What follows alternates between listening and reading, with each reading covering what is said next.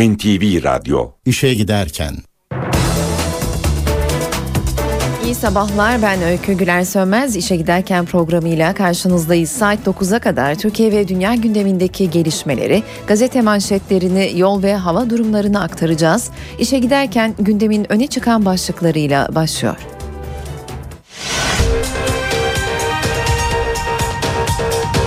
Siirt Pervari'de şehit olan 17 askerden 3'ü toprağa verildi.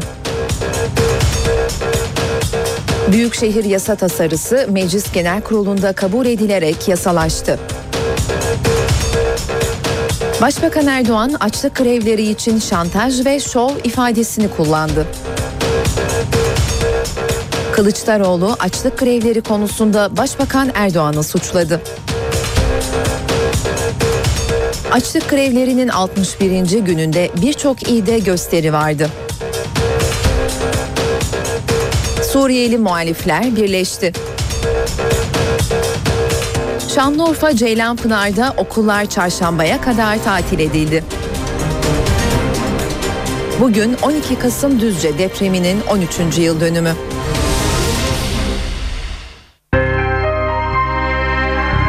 İşe giderken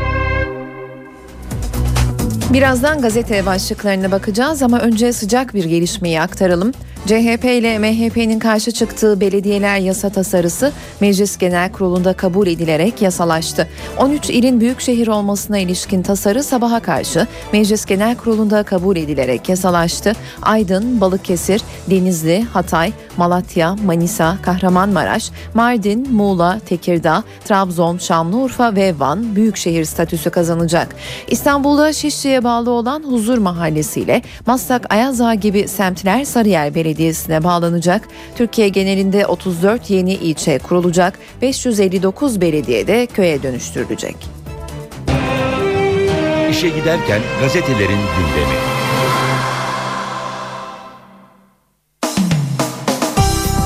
İşe giderken de gazetelerden haberler aktaracağımız basın turuyla devam ediyoruz. Milliyet gazetesiyle başlayalım turumuza. Memlekete en acı dönüş başlığını kullanıyor Milliyet gazetesi. Siirt'te 3000 metrelik dağ çarpıp parçalanan Skorski'de şehit olan Dadaşlar timi memleketlerine gözyaşları arasında uğurlandı.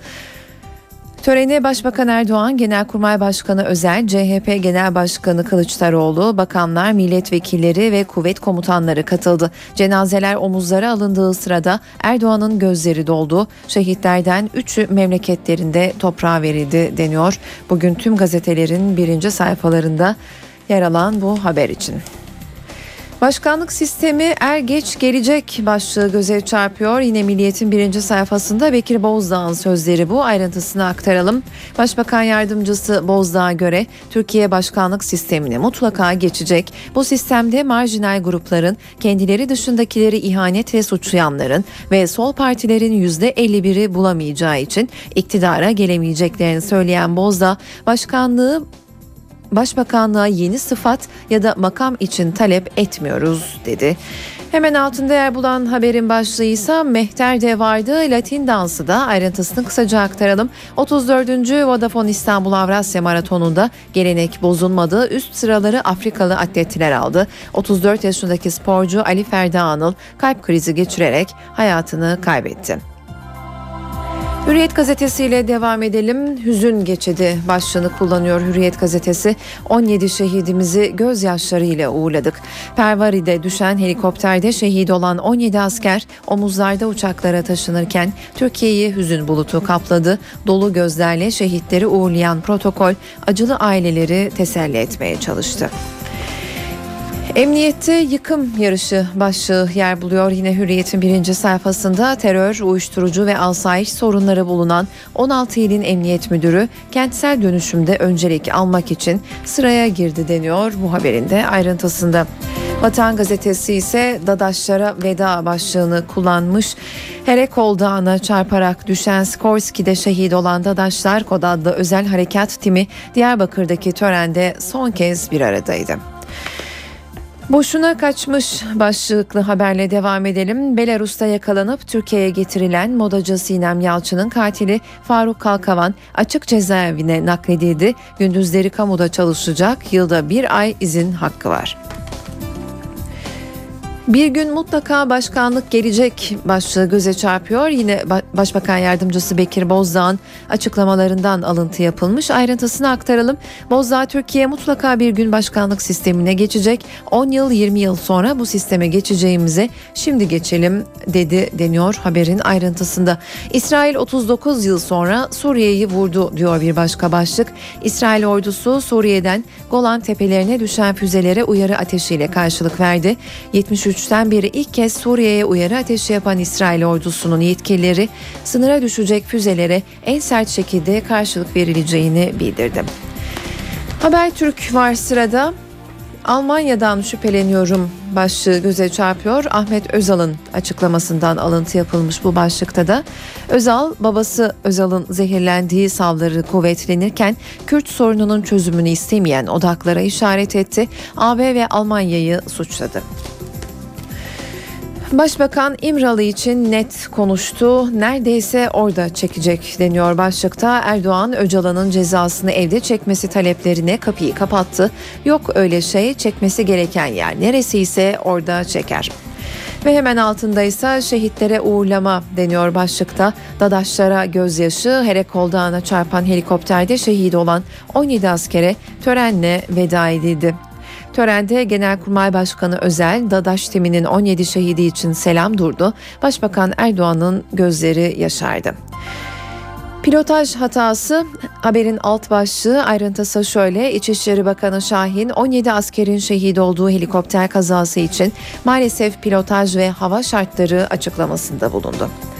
Radikal gazetesiyle devam ediyoruz. Acil diyalog aranıyor diyor başlıkta. Birinci sayfasındaki haberin ayrıntısı şöyle. Açlık grevlerinde 62. güne girildi. Ufukta çözüm yok. BDP'li bazı milletvekillerinin de başladığı açlık grevlerinde korkulan olmak üzere destek eylemlerine polis müdahale etti. Devam ediyoruz Cumhuriyet gazetesiyle kapı var sahibi yok başlığı göze çarpıyor manşette. Esendere Gümrük Kapısı'nın kaderine ve PKK'ya teslim edildiği resmi raporlarda yer aldı deniyor. Hemen altında ise devlet uğurladı başlığını kullanıyor Cumhuriyet Gazetesi. Bugün tüm gazetelerin sürmanşetlerindeki bu haberin ayrıntısı şöyle. Siirt'in Pervari ilçesi kırsalında önceki gün askeri helikopterin düşmesi sonucu şehit olan 17 asker Diyarbakır'da düzenlenen törenle son yolculuğuna uğurlandı. Törene Başbakan Erdoğan, CHP Genel Başkanı Kılıçdaroğlu, bakanlar, Genelkurmay Başkanı Özel ve askeri yetkililer katıldı. TRT'nin katılanların isimlerini anons ederken Kılıçdaroğlu'nu sansürlemesi tepki çekti. Posta gazetesi var sırada. Bunun bir sonu yok mu başlığını kullanıyor manşette posta. Siirt Pervari'de teröristlere karşı operasyona giderken önceki gün düşen helikopterde şehit olan 17 asker için Diyarbakır'da düzenlenen cenaze töreninde ardarda dizilen tabutların görüntüsü yürekleri dağladı. 1984'ten beri teröre 7 bine yakın asker ve polisini şehit veren Türkiye artık şu sorunun cevabını istiyor. Bunun bir sonu yok mu? İdam esrarı başlığı göze çarpıyor. Yine postanın birinci sayfasında Başbakan Erdoğan bir haftada üçüncü kez idam cezasının geri getirilmesinden söz etti. Erdoğan Amerika'da, Rusya'da, Çin'de, Japonya'da idam var. Bu ülkeler Birleşmiş Milletler Güvenlik Konseyi üyeleri bizim de durumumuzu gözden geçirmemiz lazım. Akşam gazetesine bakalım.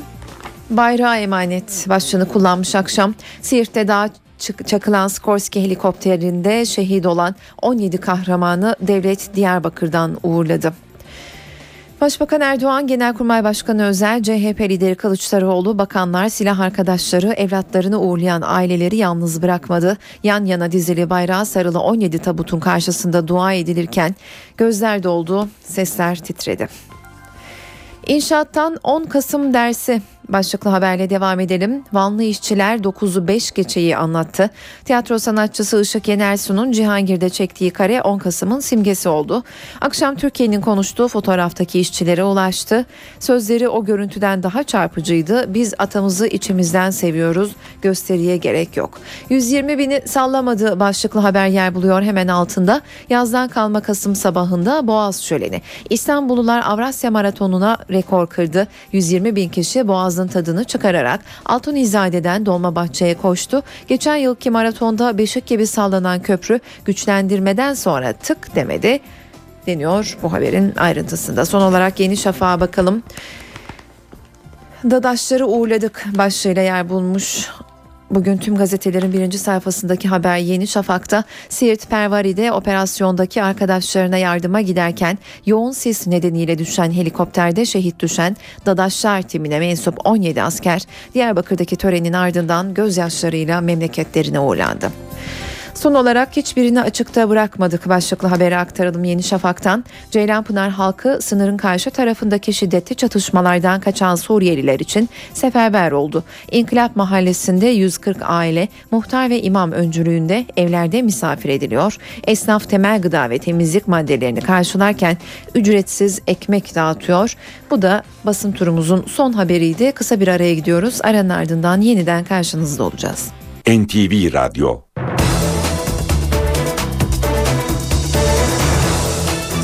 Siirt'in Pervari ilçesinde askeri helikopterin düşmesi sonucu şehit olan 17 asker Diyarbakır'dan memleketlerine uğurlandı. Törene Başbakan Erdoğan ve CHP Genel Başkanı Kılıçdaroğlu da katıldı. Acı büyük. 17 asker silah arkadaşlarının omuzlarında son yolculuklarına uğurlandı. Siirt Pervari'deki helikopter şehitlerine Diyarbakır'da veda edildi.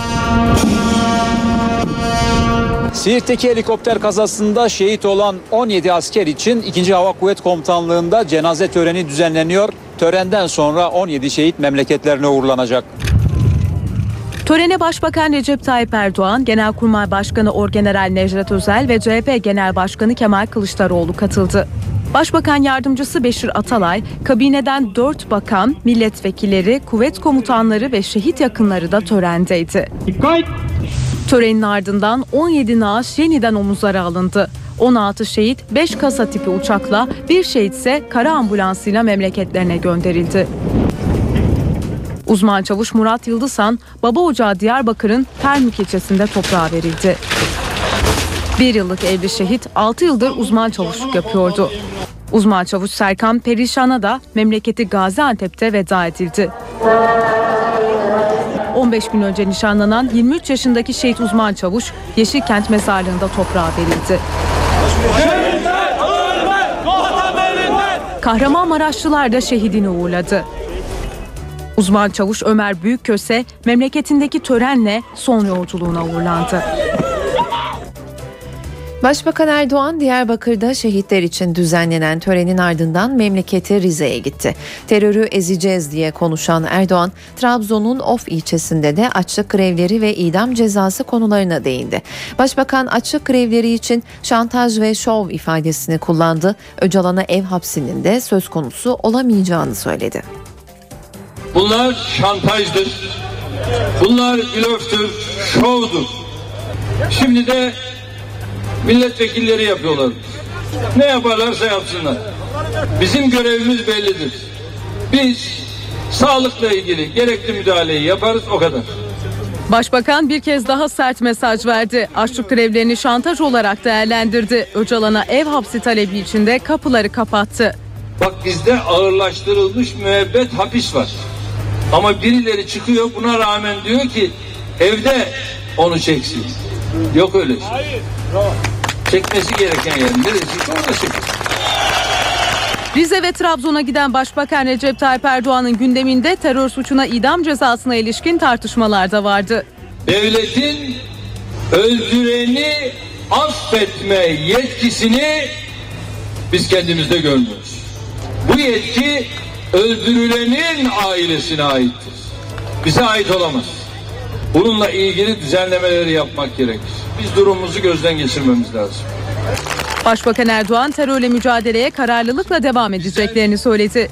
Milletimizin istediğini, milletimizin beklediğini muhakkak er veya geç başaracağız. Beraber olalım, dayanışma içerisinde olalım.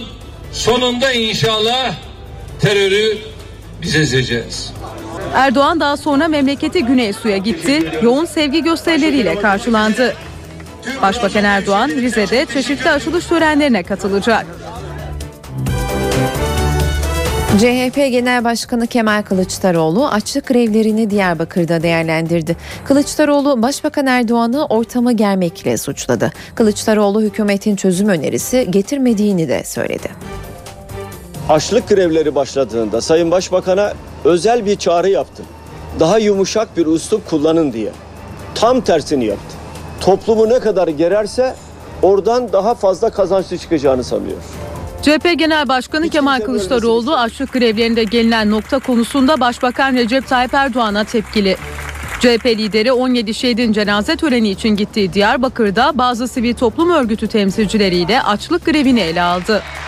Adalet Bakanı Sadullah Ergin'i de eleştirdi. Cezaevlerinde bir yurttaşın hayatını kaybetmesi siyasal iktidara ciddi sorumluluk getirir. Adalet Bakanı olayla ilgili sivil toplum örgütleriyle görüşüyor. Bu beni aşar diyor. Sormak gerekiyor. Sizi aşarsa sizi aşmayacak kişi kim? CHP Genel Başkanı terör konusunda hükümete yüklendi. Bakın 17 şehidimizin cenazesini bugün Diyarbakır'dan uğurladı. Bütün Türkiye kan ağlıyor. Ne oldu? 10 Kasım şehitleri bunlar. Sayın Başbakan sorunun çözümüne ilişkin bir öneri mi getirdi? Biz bir yol haritası çizdik. Getirsinler bir öneri. Kapalı oturum yapalım. Kapalı oturumda anlasınlar. Hem sorunları çözmeyeceksiniz, hem şikayet edeceksiniz, hem muhalefeti suçlayacaksınız. 61. gününe giren cezaevlerindeki açlık grevlerine dikkat çekmek isteyen gruplar dün birçok ilde gösteri yaptı. Diyarbakır'da milletvekili Özdal Üçer'le polisler arasında yumruklaşma oldu. Malatya'da da basın açıklaması yapan gruba karşı görüşlü bir grup tepki gösterdi. Diyarbakır'da BDP'li milletvekilleriyle belediye başkanlarının açlık grevi yaptığı konuk evinde olay çıktı. BDP'lilere destek için eylem yapan gruba polis biber gazı ve tazikli suyla müdahale etti. Eylemciler konuk evine sığınmak isteyince gerginlik arttı. Polis içeriye giren bir eylemciyi gözaltına almak isteyince devreye BDP'li vekiller girdi. BDP Van Milletvekili Özdal Üçer'le bir polis memuru arasında kavga çıktı. Kavgaya bağımsız milletvekili Aysel Tuğluk da karıştı. Malatya'da da olay çıktı. Açlık grevlerine destek için basın açıklaması yapan gruba karşıt görüşlü bir grup tepki gösterdi. Kavgaya polis göz yaşartıcı gazla müdahale etti. Bitlis'te de izinsiz olarak cezaevine yürüyen göstericilere polis müdahale etti. Ankara'da da KESK ve DİSK'in de arasında olduğu sivil toplum kuruluşu ve siyasi parti temsilcileri slogan atarak Kızılay'a yürüdü. Grup grevin bitmesi için gerekli adımların atılmasını istedi.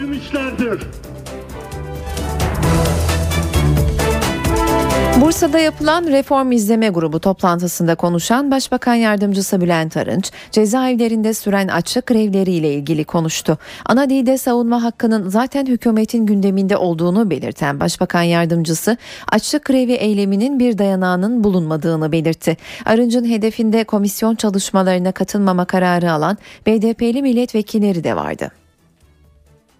60. günden sonra greve devam etmek isteyenlerin vücut bütünlüklerinde hayati anlamda tehlikeler meydana gelebilir. Bunu hiçbir zaman arzu etmiyoruz. Başbakan Yardımcısı Bülent Arınç cezaevlerinde açlık grevi yapanlara bir kez daha çağrıda bulundu, bırakın dedi. Bursa'da yapılan 27. Reform İzleme Grubu toplantısında konuşan Arınç, grevdeki mahkumların talepleri arasında bulunan ana dilde savunma ile ilgili çalışmanın uzun süredir zaten hükümetin gündeminde olduğunu söyledi. Birileri kendi ana dilini bu konuda konuşabilir. Birileri de çok iyi bildiği dil hangisi ise o konuda kendisini savunmak isteyebilir. Bununla ilgili süreç bir bakanlar kurulu kararnamesi yani tasarı haline gelmesi düşünülmüş ve arzu edilmiştir. İmzalar tamamlanmak üzeredir. Başbakan yardımcısı greve yeni katılımlara üzüldüklerini ifade etti. Bu haklar elde edilene kadar biz açlık grevine devam edeceğiz demenin hiçbir ahlaki, hiçbir mantıki, hiçbir makul temeli yoktur. Dayanağı da yoktur. Bu talepler konuşulur, tartışılır. Baştan reddedilmez.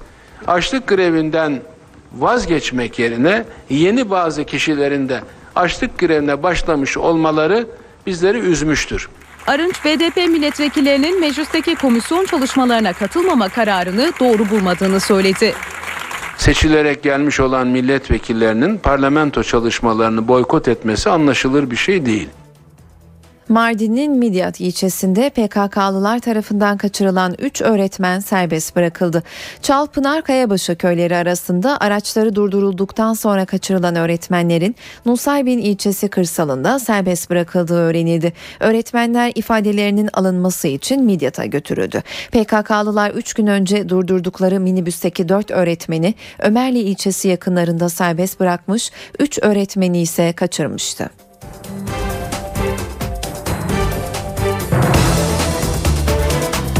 İşe giderken Suriyeli muhalifler birleşti ve başkanlarını seçti. Katar'ın başkenti Doha'da bir haftadır süren toplantılar sona erdi. Muhalefet Suriye Devrim ve Muhalif Güçler Ulusal Koalisyonu adıyla tek çatı altında toplandı. Koalisyonun başına ise eski bir imam olan Muaz El Hatip getirildi.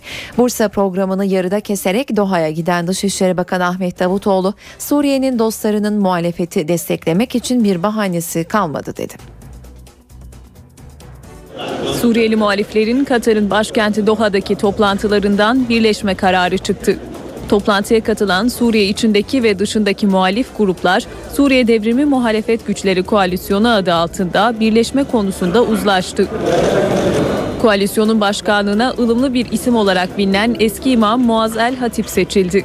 Hatip birkaç kez gözaltına alındıktan sonra Temmuz ayında Şam'ı terk ederek Kahire'ye gitmişti. Koalisyonun 60 üyeli meclisinde Suriye'deki tüm etnik ve dini gruplar temsil edilecek. Suriye'deki Kürt muhalif grupların koalisyona katılıp katılmayacaklarını 48 saat içerisinde bildirmeleri bekleniyor. Dışişleri Bakanı Ahmet Davutoğlu da Bursa'daki programını yarıda keserek Doha'ya gitti. Koalisyon Başkanı El Hatib'i ilk tebrik eden isimlerden olan Davutoğlu, seçimin ardından yaptığı konuşmada bugün tarihi bir gün dedi. Representatives of Syrian opposition, all of you. Suriye muhalefetinin tüm temsilcilerine bu anlaşmadan dolayı teşekkür ediyorum. Sizden beklediğimiz buydu. Bugün tarihi bir gün. Karşılıklı anlayışınızdan, işbirliğinizden ve bu yeni başlangıçtan dolayı hepinizi tebrik ediyoruz. Davutoğlu, Suriye'nin dostları bu anlaşmayı desteklemeli. Artık bir bahane kalmadı sözleriyle de uluslararası camiadan koalisyonu desteklemesini istedi. Ahmet Davutoğlu daha sonra Muaz El Hatip ve Suriye Ulusal Konsey lideri George Sabra ile bir görüşme gerçekleştirdi. Hatip ve Sabra'yı yeni görevlerinden dolayı kutlayan Davutoğlu, ikiliye Türkiye'nin Suriye halkına desteğinin her zaman süreceği mesajını verdi. Suriye'nin Resulan kasabasında dün yine top sesleri yükseldi. Çatışmanın yanı başındaki Şanlıurfa'nın Ceylanpınar ilçesinde ise tedirginlik sürüyor. İlçede okullar çarşamba gününe kadar tatil. Şanlıurfa'nın Ceylanpınar ilçesinde top sesleri yankılandı. Büyük ölçüde Özgür Suriye ordusunun kontrolüne geçen Suriye'nin Resulayn kasabasında bir süredir devam eden sessizlik top sesleriyle bozuldu. Top atışlarını kasabanın 15 kilometre güneyine konuşlanan ordu birliklerinin gerçekleştirdiği iddia edildi. Bombardımanın ardından Özgür Suriye ordusuyla Esad güçlerinin çatışma sesleri duyuldu. Ceylanpınar'da tedirginlik hakim. İlçede okullar çarşamba gününe kadar tatil edildi. Sınıra yakın noktalarda yaşayanlar evlerini terk etti. Mermiler şu an evlerimizin içine kadar girdi. Çoluk çocuğu hep herkesi köye gönderdik. Yani biz kalmışız burada evlerimize, malımıza, hayvanlarımıza zarar gelmesin diye. Bölge halkı çatışmaların bir an önce sona ermesini istiyor. Savaş içerisindedir fakat bizim komşularımızdır. Bizim komşularımız rahatsız olduğu müddetçe biz de elbette ki huzursuzdur. Bir an önce bu iş bitmesini bekliyoruz.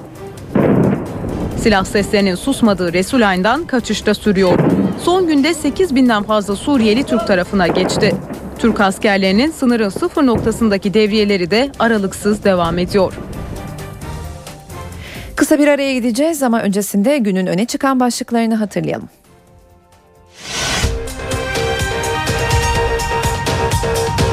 Siirt Pervari'de şehit olan 17 askerden 3'ü toprağa verildi. Büyükşehir yasa tasarısı Meclis Genel Kurulu'nda kabul edilerek yasalaştı. Başbakan Erdoğan açlık grevleri için şantaj ve şov ifadesini kullandı. Kılıçdaroğlu açlık grevleri konusunda Başbakan Erdoğan'ı suçladı. Açlık grevlerinin 61. gününde birçok ilde gösteri vardı. Suriyeli muhalifler birleşti. Şanlıurfa Ceylanpınar'da okullar çarşambaya kadar tatil edildi. Bugün 12 Kasım Düzce depreminin 13. yıl dönümü.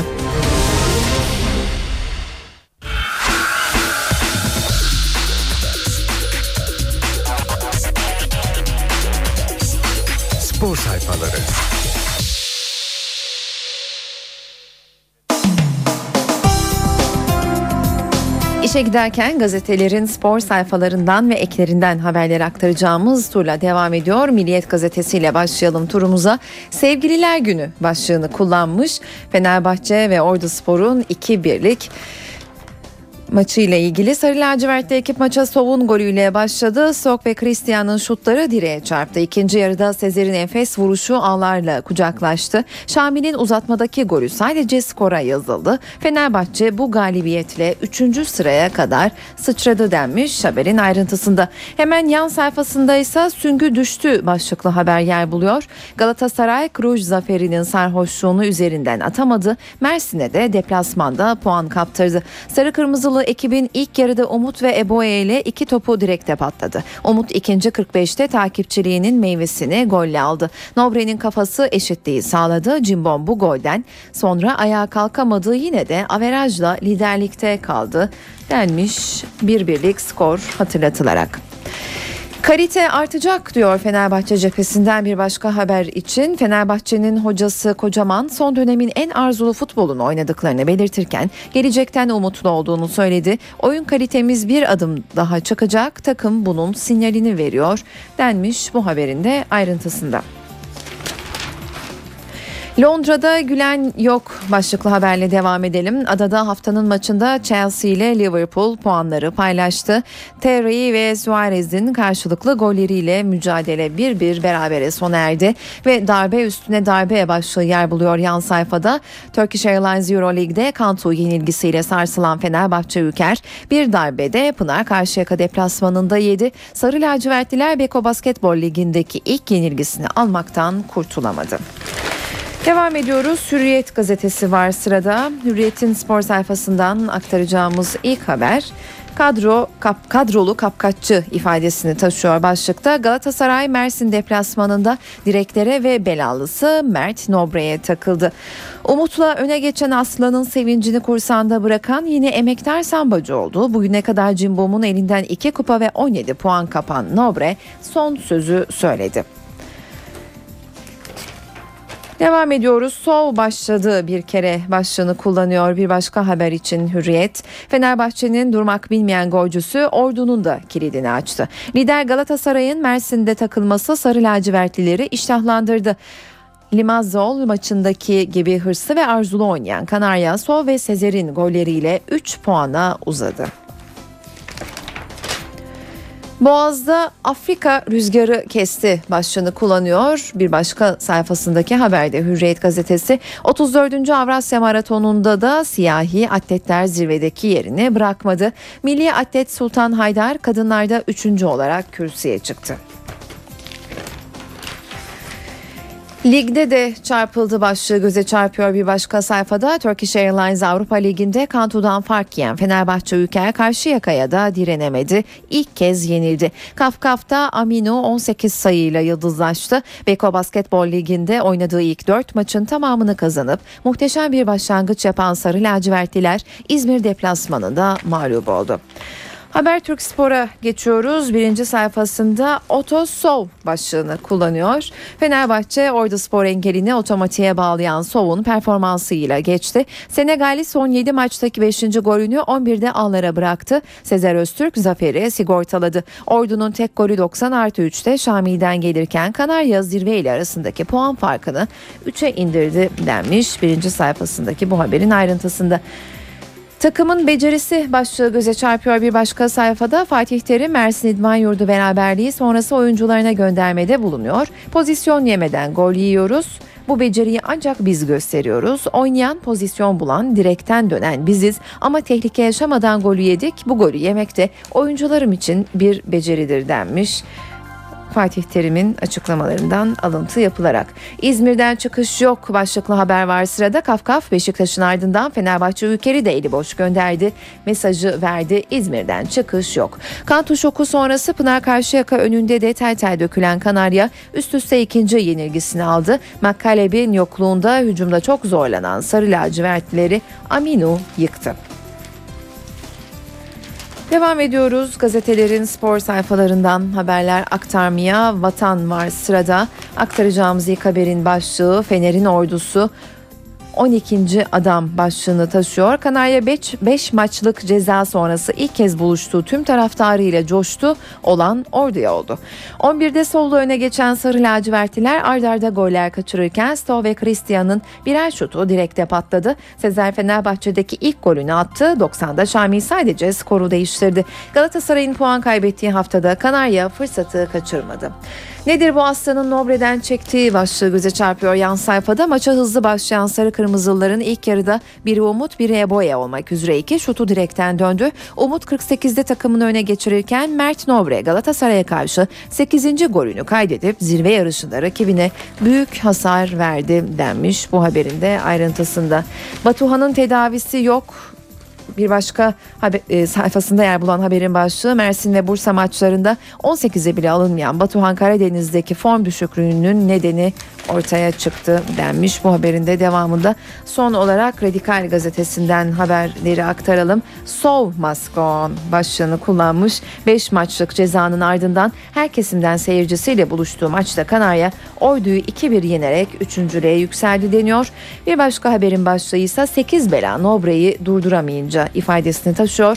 Lider Galatasaray iki topunun yan direkten döndüğü maçta Mersin'le deplasmanda 1-1 berabere kaldı. Ev sahibinin golü Türkiye kariyerinde Aslan'ın ağlarını 8. kez yoklayan Nobre'den geldi ve son haber köprüden geçti İstanbul başlığını taşıyor. Yeditepe'li şehir İstanbul'da 34.sü gerçekleştirilen Avrasya Maratonu dün sabah koşuldu. Yoğun katılım varken yaşanan bir ölüm üzüntü verdi deniyor bu haberin de ayrıntısında. Böylece gazetelerin spor sayfalarından haberler aktardığımız turumuzu noktalıyoruz ve İstanbul'daki son trafik durumuna bakıyoruz.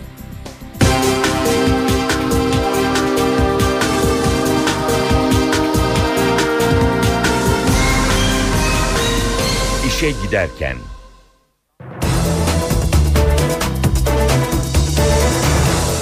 İstanbul trafiğindeki son duruma bakalım kısaca. Bugün Boğaziçi Köprüsü Avrupa girişinde trafik yoğun seyrediyor. Avrupa çıkışında ise trafik akıcı. Aynı şekilde Fatih Sultan Mehmet Köprüsü'nde ise her iki yönde de trafik normal seyrinde.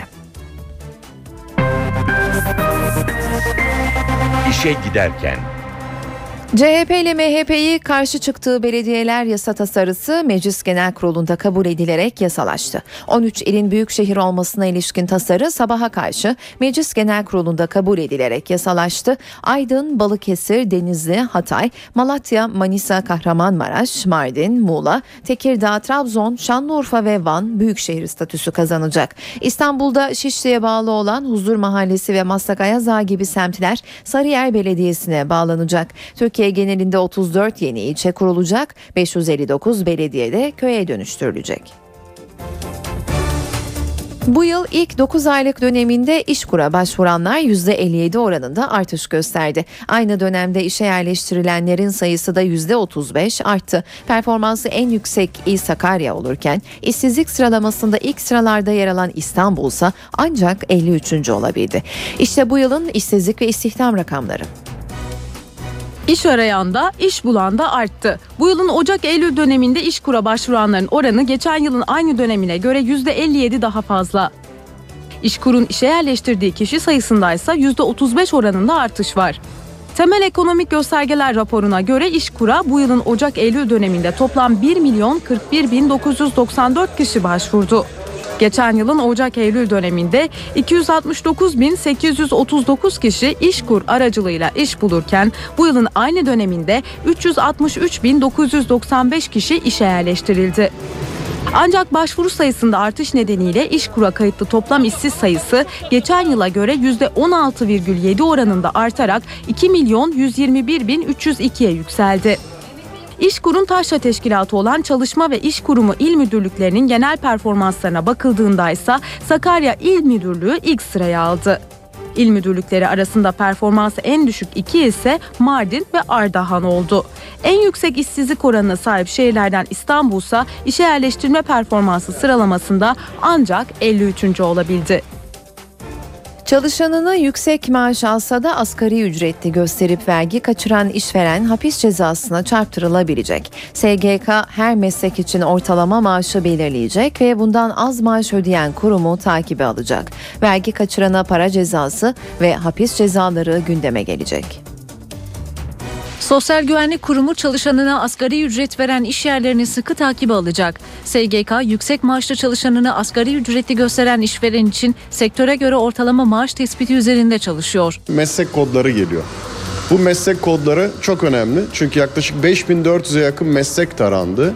Her bir meslek için piyasa ücret araştırması yapılıyor ve ortalama piyasa değerleri, ücret düzeyleri bulunuyor. Bunun altında prime esas kazanç bildirilirse, işveren tarafından bildirilirse bu durumda SGK bunu kabul etmeyecek. Bu yolla çalışanının primini asgari ücret üzerinden yatırıp elden fazla maaş veren iş yerlerinin yarattığı vergi kaybı önlenmeye çalışılacak. Bu söylediğiniz kayıt içinde kayıt dışılık. Bugün toplam çalışanların %47'si asgari ücretten gösteriliyorsa bunların önemli bir bölümü de yaklaşık yarısına yakında kayıt içinde kayıt dışılardan oluşuyor. Peki işveren ortalama maaş tespitine rağmen çalışanının primini asgari ücretten yatırmaya devam ederse ne olacak? Burada idari işlemler, idari para cezaları uygulayacak iş, e, işverenler için. Zaten hali hazırda bilinmesi gereken de şu, işverenlerimiz eğer yanlış bildirimde buluyor, bulunuyorlarsa vergi usul kanununa göre zaten hapis cezasına kadar giden uygulamalarda söz konusu. Hükümetin hedefi toplam çalışanlar için %47 olan asgari ücretli oranını %20'lere çekmek. Bu yolla devletin kasasına 6 milyar liranın girmesi bekleniyor. İşe giderken 12 Kasım Düzce depreminin üzerinden tam 13 yıl geçti. Yaşanan acılarsa hala taze. O günlerden bu yana enkaz altından çıkan yüzlerce hikaye depremin yarattığı felaketi bir kez daha gözler önüne seriyor.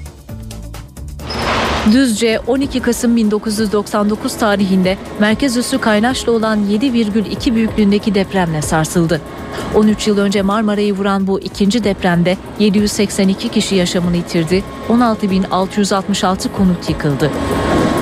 Depremin ardından 10 saat enkaz altında kurtarılmayı bekleyen Yaşar Mısır, aradan geçen 13 yıla rağmen depremin acısını hala taşıyan isimlerden biri. Kurtarma ekipleri Yaşar Mısır'ı enkazdan çıkarmak için tek kolunu kesmek zorunda kaldı. Mobilya ustası Yaşar Mısır tek koluyla ustalığa devam ediyor. Diyorsun kendinde bir eksik olduğu zaman insan ister istemez bunalıma giriyor. İşte bunu aşmak önemli. Onu da biz aştık Allah'a şükürler olsun. Burhan Şen de depremde iki oğluyla birlikte iş yerinin enkazında kaldı. Ekipler Şen'e ve küçük oğluna ulaştı. Ancak diğer oğlu kurtarılamadı. Burhan Şen 26 gün sonra kendine geldiğinde büyük oğlunu ve bir bacağını kaybettiğini öğrendi. 12 Kasım depremi hem ölümüm hem doğuşum oldu. Ben buna inanıyorum. Yani. Ben ölüp tekrar dirildiğime inanıyorum. Gazeteci Mehmet Gıdımansa depremde çektiği 20 bin kare fotoğrafla o acılara tanıklık etti. Gıdıman kurtarma çalışmalarını ve yıkılan binaları fotoğraflayarak o günlere dair büyük bir arşiv oluşturdu. Yine Düzce'den, merkezden bir şey. E, araç şeyin altında kalmış. E, depremin ne olduğu zaten bu fotoğraflarda belli. Gazeteci Gıdıman yaşanan acıların unutulmaması için arşivini kitap haline getirecek. Negatif. Tüm yurdu etkisi altına alan sağanak yağmur hayatı olumsuz etkiledi. Cadde ve sokaklar göle döndü, ev ve iş yerlerini su bastı. Yüksek kesimlerde ise kar yağışı başladı. Şiddetli yağış tüm yurtta etkisini sürdürüyor. Adıyaman'da sağanak yağmur nedeniyle cadde ve sokaklar göle döndü. Pek çok ev ve iş yerini de su bastı. Belediye ekipleri sel nedeniyle trafikte kalan sürücüleri kurtarmak için tıkanan rögar kapaklarını açarak suyu tahliye etti. Tut ve Çelikan ilçelerinin yüksek kesimlerinde ise kar yağışı başladı. Şırnak'ta sağanak yağmura teslim. Özellikle Beytüşşebap ilçesinde etkili olan yağış nedeniyle Uludere Karayolu'ndaki bir köprü yıkıldı. Vatandaşlar iş makineleriyle yolun karşı tarafına geçirildi. Van'da da kar yağışı başladı. Kent genelinde aralıklarla devam eden yağışta 3200 rakımlı Erek Dağı'nın zirvesi tamamen beyaza büründü.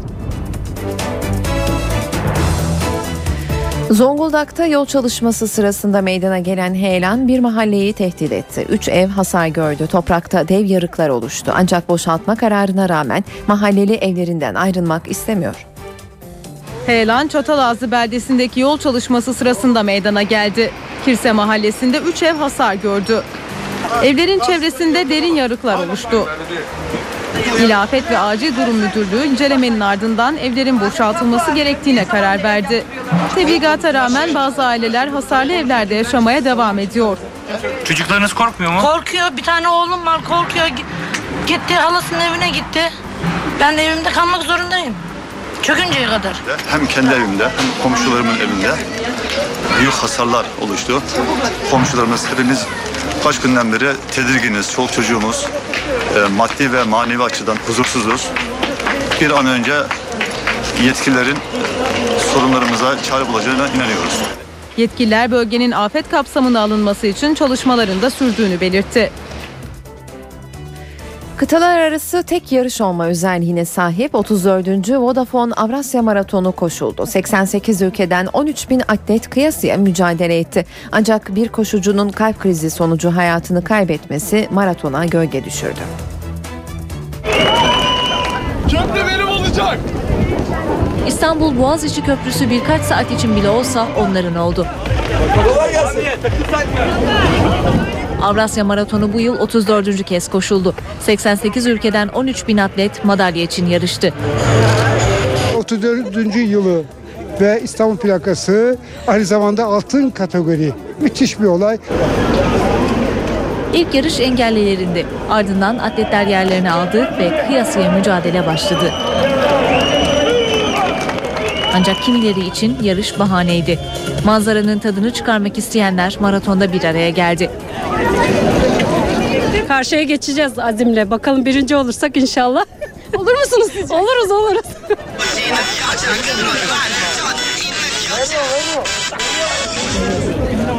Kimi boğaza nazır kahvaltı yaptı, Menümüz köy peyniri, simit, salatalık, biber ve meyve suyu. Afiyet olsun. kimi yeni yaşına köprüde girdi. Barış istiyorum. Hayatı seviyorum ya. Keşke demeyecek bir yaşam istiyorum. Maratonun birincisi Kenyalı atlet Stefan Chebogut oldu. Kadınlarda ise Etiyopyalı atlet Koren Jaleleyal birinciliği elde ederken Türk atlet Sultan Haydar üçüncü sırayı aldı.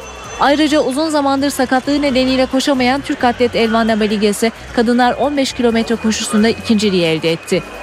Maratonda üzücü bir olay da yaşandı. 34 yaşındaki Ali Ferda Anıl hayatını kaybetti. Sporcunun kalp krizi sonucu hayatını kaybettiği belirtildi. İstanbul Taksim'de başlanan yayalaştırma projesine tepki gösteren bir grup eylem yaptı. Taksim Meydanı'nı çevreye, çevreleyen bariyerlerin etrafında koşarak tur atan grup Avrasya Maratonu'na karşılık Taksim Maratonu dedi.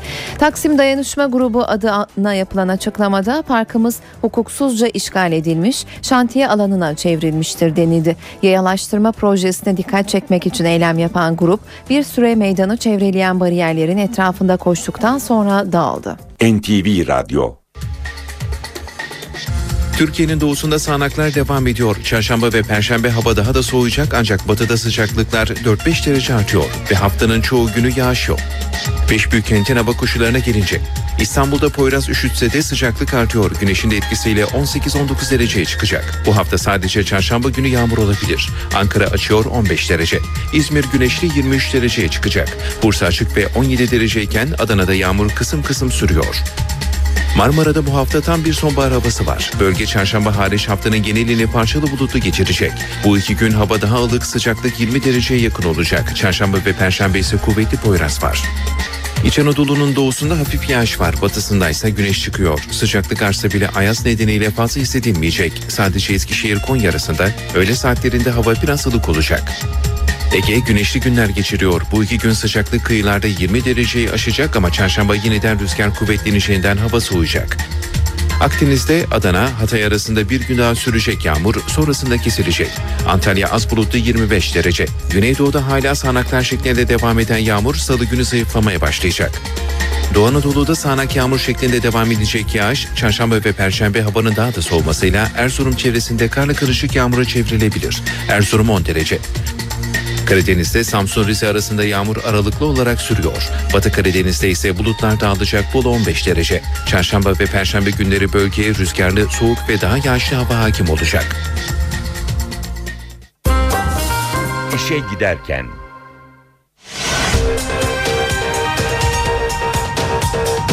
Siirt Pervari'de şehit olan 17 askerden 3'ü toprağa verildi. Büyükşehir yasa tasarısı Meclis Genel Kurulu'nda kabul edilerek yasalaştı. Başbakan Erdoğan açlık grevleri için şantaj ve şov ifadesini kullandı. Kılıçdaroğlu açlık grevleri konusunda Başbakan Erdoğan'ı suçladı. Açlık grevlerinin 61. gününde birçok ilde gösteri vardı. Suriyeli muhalifler birleşti. Şanlıurfa Ceylanpınar'da okullar çarşambaya kadar tatil edildi. Bugün 12 Kasım Düzce depreminin 13. yıl dönümü. İşe giderken gazetelerin gündemi.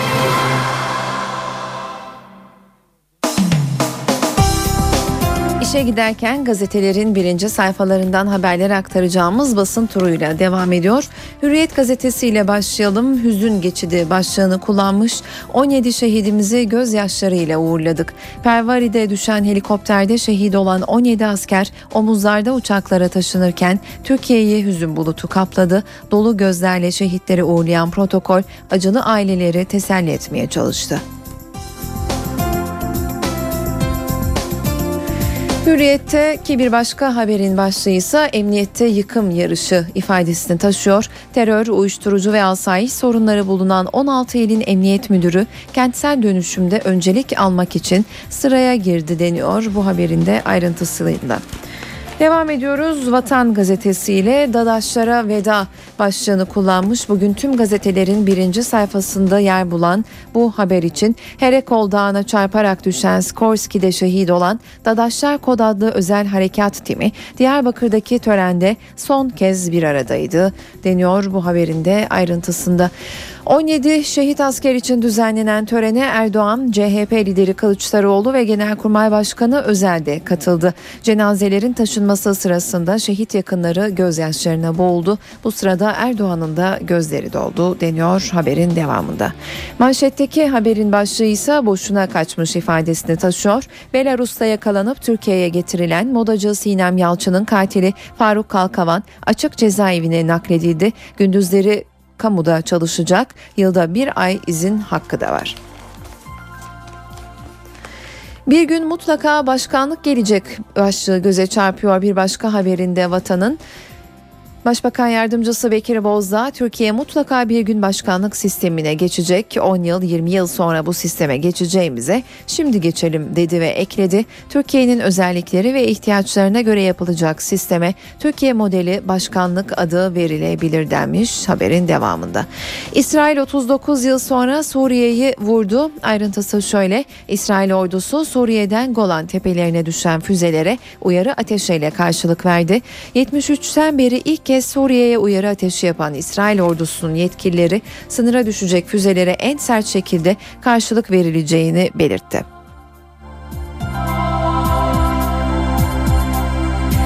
Milliyet gazetesiyle devam ediyoruz. Memlekete en acı dönüş başlığını kullanmış Milliyet gazetesi 17 şehidin son yolculuğuyla ilgili haberinde ayrıntısını aktaralım. Şiir Siirt'te 3000 metrelik dağa çarpıp parçalanan Sikorski'de şehit olan Dadaşlar timi memleketlerine gözyaşları arasında uğrandı. Yer Diyarbakır 2. Hava Kuvvet Komutanlığı yan yana dizilmiş Türk bayrağına sarılı 17 cenaze yan yana dizilmiş gözü yaşlı analar babalar üzerine tek kelime bile söylemeye gerek olmayan hazin bir manzara diyerek ayrıntılandırmış haberini Milliyet gazetesi. Bozdağ değişiklikten emin başlığı göze çarpıyor. Milliyet'in birinci sayfasında başkanlık sistemi er geç gelecek diyor ve devam ediyor haber.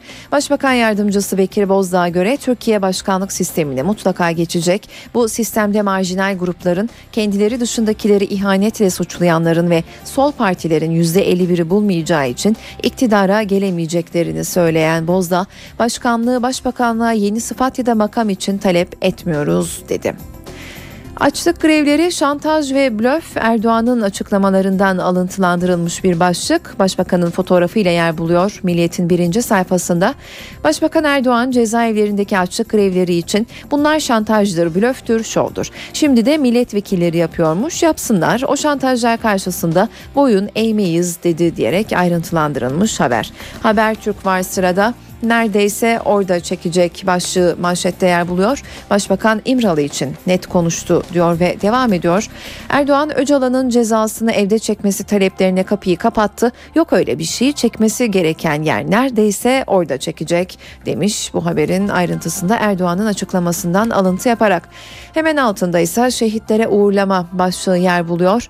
Herekol Dağı'na çarpan helikopterde şehit olan 17 askere törenle veda edildi. Dadaşlara gözyaşı törende Genelkurmay Başkanı Özel, Dadaş timinin 17 şehidi için selam durdu. Başbakan Erdoğan'ın gözleri yaşardı. İçişleri Bakanı İdris Naim Şahin 17 askerin şehit olduğu helikopter kazası için maalesef pilotaj ve hava şartları açıklamasında bulundu denmiş haberin alt başlığında. Öğrenci eylemi meşrudur başlığı göze çarpıyor. YÖK Başkanı Gökhan Çetinsay'a YÖK yasa tasarısı protestoları için konuştu. Barışçıl geçmesine seviniyorum. Bravo şiddetsiz de oluyormuş. Şiddet içermedikçe her türlü öğrenci eylemi meşrudur, yapılmalıdır denmiş. Sürmanşette ise Ahmet Özal'ın fotoğrafı yer buluyor. Almanya'dan şüpheleniyorum başlığıyla. Ahmet Özal'dan şok iddia. Özal, babası Özal'ın zehirlendiği saldırı kuvvetlenirken Kürt sorununun çözümünü istemeyen odaklara işaret etti. AB ve Almanya'yı suçladı denmiş bu haberin de ayrıntısında. Cumhuriyetle devam ediyoruz. Kapı var sahibi yok başlığını kullanıyor manşette. Esendere Gümrük Kapısı'nın kaderine ve PKK'ya teslim edildiği resmi raporlarda yer aldı denmiş. Hemen altında ise devlet uğurladı başlığını kullanıyor Cumhuriyet. Siirt'in Pervari ilçesi kırsalında önceki gün askeri helikopterin düşmesi sonucu şehit olan 17 asker Diyarbakır'da düzenlenen törenle son yolculuğuna uğurlandı. Törene Başbakan Erdoğan, CHP Genel Başkanı Kılıçdaroğlu, Bakanlar Genelkurmay Başkanı Özel ve askeri yetkililer katıldı. TRT'nin katılanların isimlerini anons ederken Kılıçdaroğlu'nun sansürlemesi tepki çekti.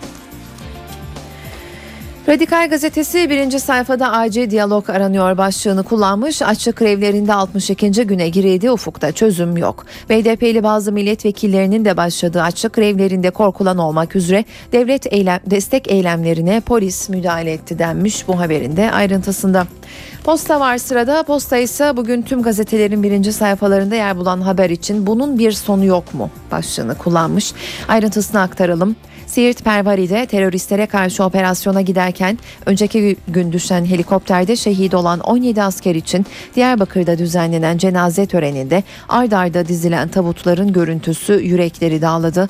1984'ten beri teröre 7 bine yakın asker ve polisi şehit veren Türkiye artık şu sorunun cevabını istiyor. Bunun bir sonu yok mu? İdam ısrarı bu haberin hemen altında yer bulan bir haberin başlığı. Başbakan Erdoğan bir haftada üçüncü kez idam cezasının geri getirilmesinden söz etti. Erdoğan Amerika'da, Rusya'da, Çin'de ve Japonya'da idam var. Bu ülkeler Birleşmiş Milletler Güvenlik Konseyi üyeleri bizim de durumumuzu gözden geçirmemiz lazım.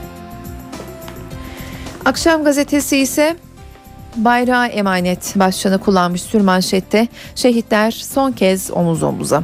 Siirt'te dağa çakılan Sikorsky helikopterinde şehit olan 17 kahramanı devlet Diyarbakır'dan uğurladı.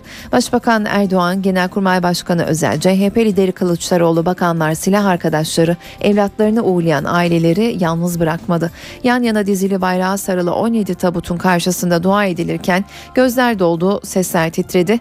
Şehitler omuzlarda son kez memleketlerine uğurlandı. İçişleri Bakanı Şahin sebebi açıkladı. Pilotaj hatası.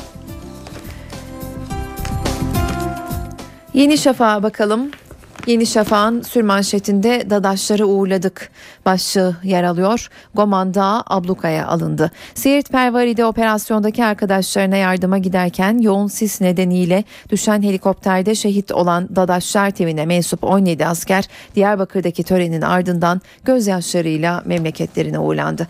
Manşetteki haberin başlığı ise hiçbirini açıkta bırakmadık ifadesini taşıyor. Ayrıntısı şöyle. Ceylanpınar halkı sınırın karşı tarafındaki şiddetli çatışmalardan kaçan Suriyeliler için seferber oldu.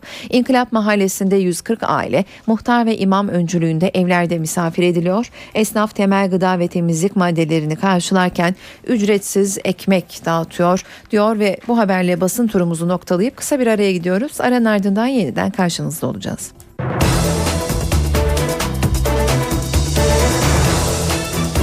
İşe giderken günün öne çıkan gelişmeleriyle devam ediyor. CHP ile MHP'nin karşı çıktığı belediyeler yasa tasarısı Meclis Genel Kurulu'nda kabul edilerek yasalaştı. 13 ilin büyükşehir olmasına ilişkin tasarı sabaha karşı Meclis Genel Kurulu'nda kabul edilerek yasalaştı. Aydın, Balıkesir, Denizli, Hatay, Malatya, Manisa, Kahramanmaraş, Mardin, Muğla, Tekirdağ, Trabzon, Şanlıurfa ve Van büyükşehir statüsü kazanacak. İstanbul'da Şişli'ye bağlı olan Huzur Mahallesi ile Maslak Ayazağa gibi semtler Sarıyer Belediyesi'ne bağlanacak. Türkiye genelinde 34 yeni ilçe kurulacak, 559 belediye de köye dönüştürülecek.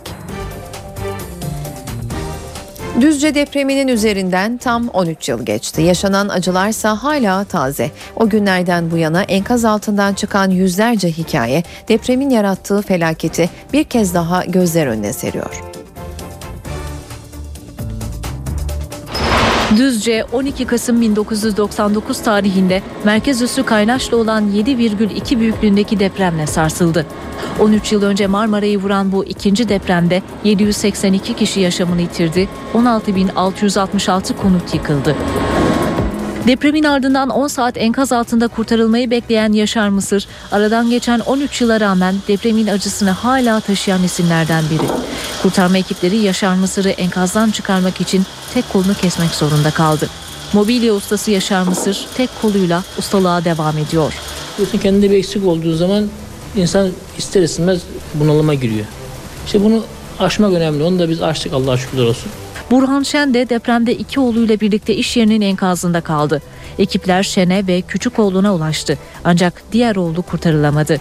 Burhan Şen 26 gün sonra kendine geldiğinde büyük oğlunu ve bir bacağını kaybettiğini öğrendi. 12 Kasım depremi hem ölümüm hem doğuşum oldu. Ben buna inanıyorum. Ben ölüp tekrar dirildiğime inanıyorum. Gazeteci Mehmet Gıdımansa depremde çektiği 20 bin kare fotoğrafla o acılara tanıklık etti. Gıdıman kurtarma çalışmalarını ve yıkılan binaları fotoğraflayarak o günlere dair büyük bir arşiv oluşturdu. Yine Düzce'den, merkezden bir şey. E, araç şeyin altında kalmış. E, depremin ne olduğu zaten bu fotoğraflarda belli. Gazeteci Gıdıman yaşanan acıların unutulmaması için arşivini kitap haline getirecek. Negatif. Siirt'in Pervari ilçesinde askeri helikopterin düşmesi sonucu şehit olan 17 asker Diyarbakır'dan memleketlerine uğurlandı. Törene Başbakan Erdoğan ve CHP Genel Başkanı Kılıçdaroğlu da katıldı. Acı büyük. 17 asker silah arkadaşlarının omuzlarında son yolculuklarına uğurlandı. Siirt Pervari'deki helikopter şehitlerine Diyarbakır'da veda edildi. Siirt'teki helikopter kazasında şehit olan 17 asker için 2. Hava Kuvvet Komutanlığı'nda cenaze töreni düzenleniyor. Törenden sonra 17 şehit memleketlerine uğurlanacak. Törene Başbakan Recep Tayyip Erdoğan, Genelkurmay Başkanı Orgeneral Necdet Özel ve CHP Genel Başkanı Kemal Kılıçdaroğlu katıldı. Başbakan yardımcısı Beşir Atalay, kabineden 4 bakan, milletvekilleri, kuvvet komutanları ve şehit yakınları da törendeydi. Törenin ardından 17 naaş yeniden omuzlara alındı. 16 şehit 5 kasa tipi uçakla, bir şehit ise kara ambulansıyla memleketlerine gönderildi. Uzman çavuş Murat Yıldızhan, baba ocağı Diyarbakır'ın Termik ilçesinde toprağa verildi. Bir yıllık evli şehit 6 yıldır uzman çavuşluk yapıyordu. Uzman çavuş Serkan Perişan'a da memleketi Gaziantep'te veda edildi. 15 gün önce nişanlanan 23 yaşındaki şehit uzman çavuş Yeşilkent mezarlığında toprağa verildi. Kahramanmaraşlılar da şehidini uğurladı. Uzman çavuş Ömer Büyükköse memleketindeki törenle son yolculuğuna uğurlandı. Başbakan Erdoğan Diyarbakır'da şehitler için düzenlenen törenin ardından memleketi Rize'ye gitti. Terörü ezeceğiz diye konuşan Erdoğan, Trabzon'un Of ilçesinde de açık grevleri ve idam cezası konularına değindi. Başbakan açık grevleri için şantaj ve şov ifadesini kullandı. Öcalan'a ev hapsinin de söz konusu olamayacağını söyledi. Bunlar şantajdır. Bunlar blöftür, şovdur. Şimdi de milletvekilleri yapıyorlar. Ne yaparlarsa yapsınlar. Bizim görevimiz bellidir. Biz sağlıkla ilgili gerekli müdahaleyi yaparız o kadar. Başbakan bir kez daha sert mesaj verdi. Açlık grevlerini şantaj olarak değerlendirdi. Öcalan'a ev hapsi talebi için de kapıları kapattı. Bak bizde ağırlaştırılmış müebbet hapis var. Ama birileri çıkıyor buna rağmen diyor ki evde onu çeksin. Yok öyle şey. Çekmesi gereken yer neresi orada çeksin. Rize ve Trabzon'a giden Başbakan Recep Tayyip Erdoğan'ın gündeminde terör suçuna idam cezasına ilişkin tartışmalar da vardı. Devletin öldüreni affetme yetkisini biz kendimizde görmüyoruz. Bu yetki öldürülenin ailesine aittir. Bize ait olamaz. Bununla ilgili düzenlemeleri yapmak gerekir. Biz durumumuzu gözden geçirmemiz lazım. Başbakan Erdoğan terörle mücadeleye kararlılıkla devam edeceklerini söyledi. Milletimizin istediğini, milletimizin beklediğini muhakkak er veya geç başaracağız. Beraber olalım, dayanışma içerisinde olalım. Sonunda inşallah terörü biz ezeceğiz. Erdoğan daha sonra memleketi Güney Su'ya gitti. Yoğun sevgi gösterileriyle karşılandı. Başbakan Erdoğan Rize'de çeşitli açılış törenlerine katılacak. CHP Genel Başkanı Kemal Kılıçdaroğlu açlık grevlerini Diyarbakır'da değerlendirdi. Kılıçdaroğlu Başbakan Erdoğan'ı ortamı germekle suçladı. Kılıçdaroğlu hükümetin çözüm önerisi getirmediğini de söyledi. Açlık grevleri başladığında Sayın Başbakan'a özel bir çağrı yaptım. Daha yumuşak bir üslup kullanın diye. Tam tersini yaptı. Toplumu ne kadar gererse oradan daha fazla kazançlı çıkacağını sanıyor. CHP Genel Başkanı Kemal Kılıçdaroğlu açlık grevlerinde gelinen nokta konusunda Başbakan Recep Tayyip Erdoğan'a tepkili. CHP lideri 17 şehidin cenaze töreni için gittiği Diyarbakır'da bazı sivil toplum örgütü temsilcileriyle açlık grevini ele aldı. Adalet Bakanı Sadullah Ergin'i de eleştirdi. Cezaevlerinde bir yurttaşın hayatını kaybetmesi siyasal iktidara ciddi sorumluluk getirir. Adalet Bakanı olayla ilgili sivil toplum örgütleriyle görüşüyor. Bu beni aşar diyor. Sormak gerekiyor. Sizi aşarsa sizi aşmayacak kişi kim? CHP Genel Başkanı terör konusunda evet. hükümete yüklendi. Bakın 17 şehidimizin cenazesini bugün Diyarbakır'dan uğurladık. Bütün Türkiye kan ağlıyor. Ne oldu? 10 Kasım şehitleri bunlar. Sayın Başbakan sorunun çözümüne ilişkin bir öneri mi getirdi? Biz bir yol haritası çizdik. Getirsinler bir öneri. Kapalı oturum yapalım. Kapalı oturumda anlasınlar. Hem sorunları çözmeyeceksiniz, hem şikayet edeceksiniz, hem muhalefeti suçlayacaksınız. 61. gününe giren cezaevlerindeki açık grevlerine dikkat çekmek isteyen gruplar dün birçok ilde gösteri yaptı. Diyarbakır'da milletvekili Özdal Üçer'le polisler arasında yumruklaşma oldu. Malatya'da da basın açıklaması yapan gruba karşıt görüşlü bir grup tepki gösterdi. Diyarbakır'da BDP'li milletvekilleriyle belediye başkanlarının açlık grevi yaptığı konuk evinde olay çıktı. BDP'lilere destek için eylem yapan gruba polis biber gazı ve tazikli suyla müdahale etti. Eylemciler konuk evine sığınmak isteyince gerginlik arttı. Polis içeriye giren bir eylemciyi gözaltına almak isteyince devreye BDP'li vekiller girdi. BDP Van Milletvekili Özdal Üçer'le bir polis memuru arasında kavga çıktı. Kavgaya bağımsız milletvekili Aysel Tuğluk da karıştı. Tutsakların tarafları Malatya'da da olay çıktı. Açlık grevlerine destek için basın açıklaması yapan gruba karşıt görüşlü bir grup tepki gösterdi. Kavgaya polis göz yaşartıcı gazla müdahale etti. Bitlis'te de izinsiz olarak cezaevine yürüyen göstericilere polis müdahale etti. Ankara'da da KESK ve DİSK'in de arasında olduğu sivil toplum kuruluşu ve siyasi parti temsilcileri slogan atarak Kızılay'a yürüdü. Grup grevin bitmesi için gerekli adımların atılmasını istedi.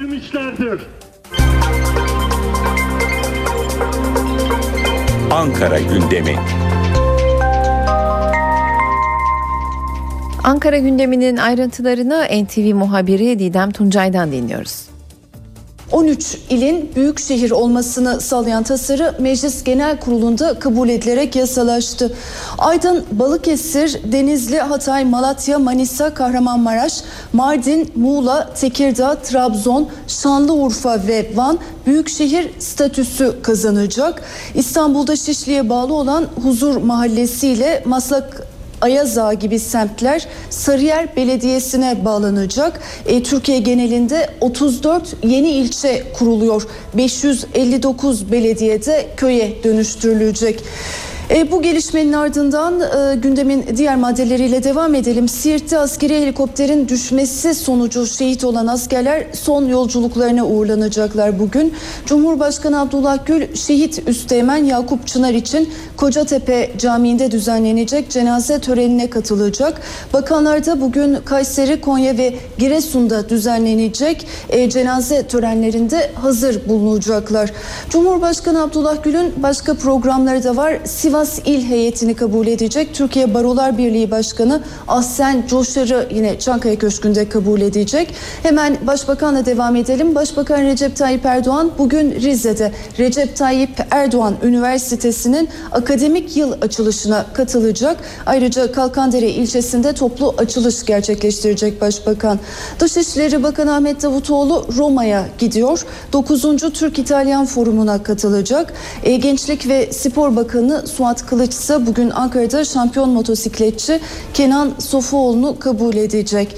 E, cezaevlerinde devam eden açlık grevleri de gündemdeki e, yerini koruyor. Bazı sivil toplum örgütlerinin genel başkanları bugün CHP Genel Başkan Yardımcısı Nihat Matkab'ı ziyaret edecekler ki e, KESK ve DİSK Genel Başkanı da bu ziyareti gerçekleştirecek olan isimler arasında yer alıyor.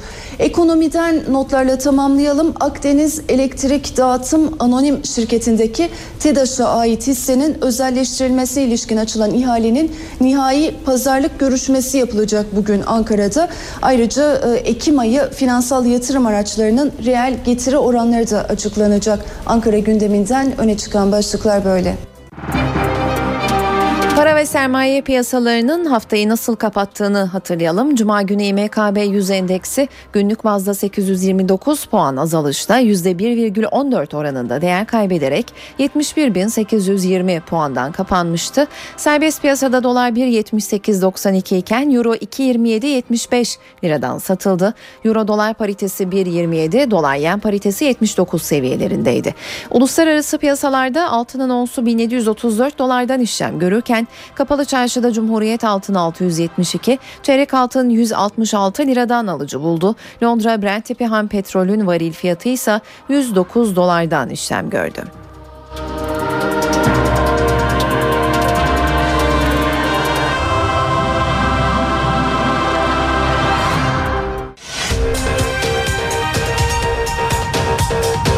Siirt Pervari'de şehit olan 17 askerden 3'ü toprağa verildi. Büyükşehir yasa tasarısı Meclis Genel Kurulu'nda kabul edilerek yasalaştı. Başbakan Erdoğan açlık grevleri için şantaj ve şov ifadesini kullandı. Kılıçdaroğlu açlık grevleri konusunda Başbakan Erdoğan'ı suçladı. Açlık grevlerinin 61. gününde birçok ilde gösteri vardı. Suriyeli muhalifler birleşti. Şanlıurfa Ceylanpınar'da okullar çarşambaya kadar tatil edildi. Bugün 12 Kasım Düzce depreminin 13. yıl dönümü.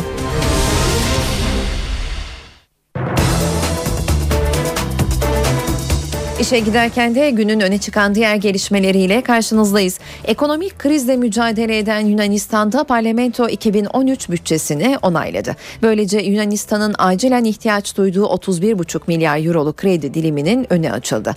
Parlamento önünde ise protesto gösterileri vardı. Eylemde temsili dar ağacında Almanya Başbakanı Angela Merkel idam edildi.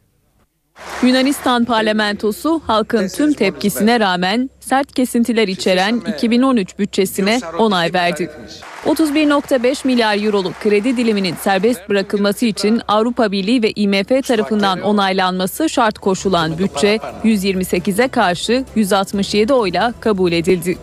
Yunan Başbakanı Samaras oylama öncesi yaptığı konuşmada bütçe için son fedakarlığımız dedi. 2013 bütçesi son fedakarlığımız olacak. Açıklar kapatılınca bu bütçenin içerdiği adaletsizlikler düzeltilecek. Parlamento önünde ise protesto gösterileri vardı. Göstericilerin hedefinde sert ekonomik önlemlerden sorumlu tutulan Almanya Başbakanı Angela Merkel vardı. Merkel'in temsili resmi dar ağacına asıldı. Kazancımız bir darbe daha aldı. Okulların, hastanelerin, tüm sosyal imkanların bütçeleri kesildi. Ama zenginlere hiçbir şey olmadı. Protestolar sırasında zaman zaman gergin anlar da yaşandı. Parlamentoda kabul edilen bütçe Yunan ekonomisinde %4.5 oranında küçülme öngörüyor. Bütçede ülkenin borcunun 346 milyar euroya yükseleceği tahmin ediliyor. Polonya'da Bağımsızlık Günü kutlamaları sokak çatışmasına dönüştü. 20 bin kişinin yürüyüşü sırasında kalabalıkla polis arasında çatışma çıktı. En az 30 kişi yaralandı. Polonya'nın başkenti Varşova sokakları Bağımsızlık Günü kutlamalarında savaş alanına döndü. Gün dolayısıyla başkent sokaklarında çoğunluğunu aşırı sağcıların oluşturduğu yaklaşık 20 bin kişi bir araya geldi. Kalabalıktan bir grup polise taşlar ve maytaplar fırlatınca olaylar çıktı. Polis kalabalığı dağıtmak için cop kullandı. Olaylar sırasında onlarca kişi yaralandı, iki araç ateşe verildi. Göstericilerden gözaltına alınanlar oldu. Polonya'da geçen yılda bağımsızlık günü kutlamaları sırasında faşizm karşıtı grupların sağcıların gösterilerini engelleme çabaları sırasında olaylar çıkmış, 200 kişi gözaltına alınmıştı. Bu yıl olayların önüne geçmek için farklı gruplar için farklı yürüyüş rotaları belirlenmiş. Cumhurbaşkanı Bronislav Komorowski de bu çerçevede eski askerlerin yürüyüşüne katılmıştı. İngiliz yayın kurumu BBC'de istifa şoku yaşanıyor. Kurumu zor durumda bırakan çocuk istismarı skandalı sonunda genel müdür George Entwistle'ın istifasına neden oldu. In light of the fact BBC'nin genel müdürü ve sorumlu yayın müdürü olarak tüm içerikten ben sorumluyum. Bu nedenle de benim için onurlu olan şeyi yapıp genel müdürlük görevini bırakmaya karar verdim. on Friday, 2nd November. I have decided İngiliz yayın kurumu BBC'nin genel müdürü George Entwistle istifasını bu açıklamayla duyurdu. Entwistle istifa ederken 90 yıllık BBC'nin tarihinde 54 günde en kısa süreli görev yapan genel müdür oldu. 50 yaşındaki Entwistle'ın istifası BBC'nin bir süredir içinde bulunduğu krizi daha da derinleştirdi. İngiliz yayın kurumu geçen ay ortaya çıkan çocuk istismarı skandalı nedeniyle zor durumda. BBC tarihinin en ünlü sunucularından Jimmy Savile'ın 40 yıllık kariyeri boyunca yüzlerce çocuğa cinsel istismarda bulunduğu ortaya çıkmıştı. Polis geçen yıl ölen Savile'ı ülkenin en önde gelen çocuk istismarcılarından biri olarak tanımlamış. Olayla ilgili de 3 kişi gözaltına alınmıştı. Konuyla ilgili parlamentoda bir soruşturma komitesi de kurulmuş durumda. Skandalı görmezden gelmekle suçlanan BBC'nin muhafazakar bir politikacı hakkındaki cinsel istismar iddiasını yayınlaması ve bunun da yalanlanması kuruma yönelik eleştirileri artırmıştı. Tüm bu gelişmeler sonrasında BBC'nin ciddi bir şekilde gözden geçirilip yeniden yapılandırılması gerektiği yorumları yapılıyor. Fransa'da vergi yükünden kaçmak isteyen zenginlere bir isim daha eklendi. Ünlü aktör Gerard Depardieu, zengin Fransızların tercihi olan Belçika'da bir ev aldı. Belçika basını ek vergi ödemek istemeyen Depardieu'nun da Belçika'ya taşınacağını yazdı. İl y en a eu beaucoup d'autres Non, pas d'autres en mai 52. Ünlü Fransız aktör Gerard Depardieu Belçika'ya taşınıyor. Fransız ve Belçika basının iddiası bu. İddiaları gündeme getirense Depardieu'nun Belçika'da bir kasabada ev satın alması. 63 yaşındaki aktörün ev aldığı Neşin kasabası Fransa'da vergi ödemek istemeyen pek çok Fransızın yaşadığı bir yer. Kasabanın nüfusunun %27'sini Fransızlar oluşturuyor. Depardieu sorular üzerine Belçika'da ev aldığını yalanlamadı. Belçika Fransa'nın tersine varlık vergisinin olmaması daha uygun miras kurallarıyla Fransızlar için son dönemde bir cazibe merkezi. Fransa'da hükümet 2013'te varlıklı kesime yönelik olan vergiyi %75 artırmayı planlıyor. Bu vergi oranından kaçmak isteyen zenginlerin yurt dışına gitmesi ülkede bir süredir tartışma konusu. Ülkenin en zengini Bernard Arnault bir süre önce Belçika vatandaşlığı için başvuruda bulununca başta Cumhurbaşkanı François Hollande olmak üzere tepkilerin hedefi olmuştu. İşe giderkenin sonuna geldik. Programımızı kapatmadan önce gündemin öne çıkan haberlerini hatırlatalım. Hafta sonu Siirt'in Pervari ilçesinde düşen askeri helikopterde şehit olan 17 askerden 3'ü dün toprağa verilmişti. 14 şehidin de bugün son yolculuğuna uğurlanması bekleniyor. Ayrıca gündemin öne çıkan bir başka gelişmesi Büyükşehir Yasa Tasarısı. Tasarı sabaha karşı Meclis Genel Kurulu'nda kabul edilerek yasalaştı ve açlık grevleri de bugünün önemli haber başlıkları arasında yer alıyor. Yurt dışında dikkat çeken gelişme ise Suriyeli muhaliflerin birleşmesi. Böylece işe giderken programının sonuna geldik. Ben Öykü Güler Sönmez saat başında gelişmelerle yeniden karşınızda olacağız. NTV Radyo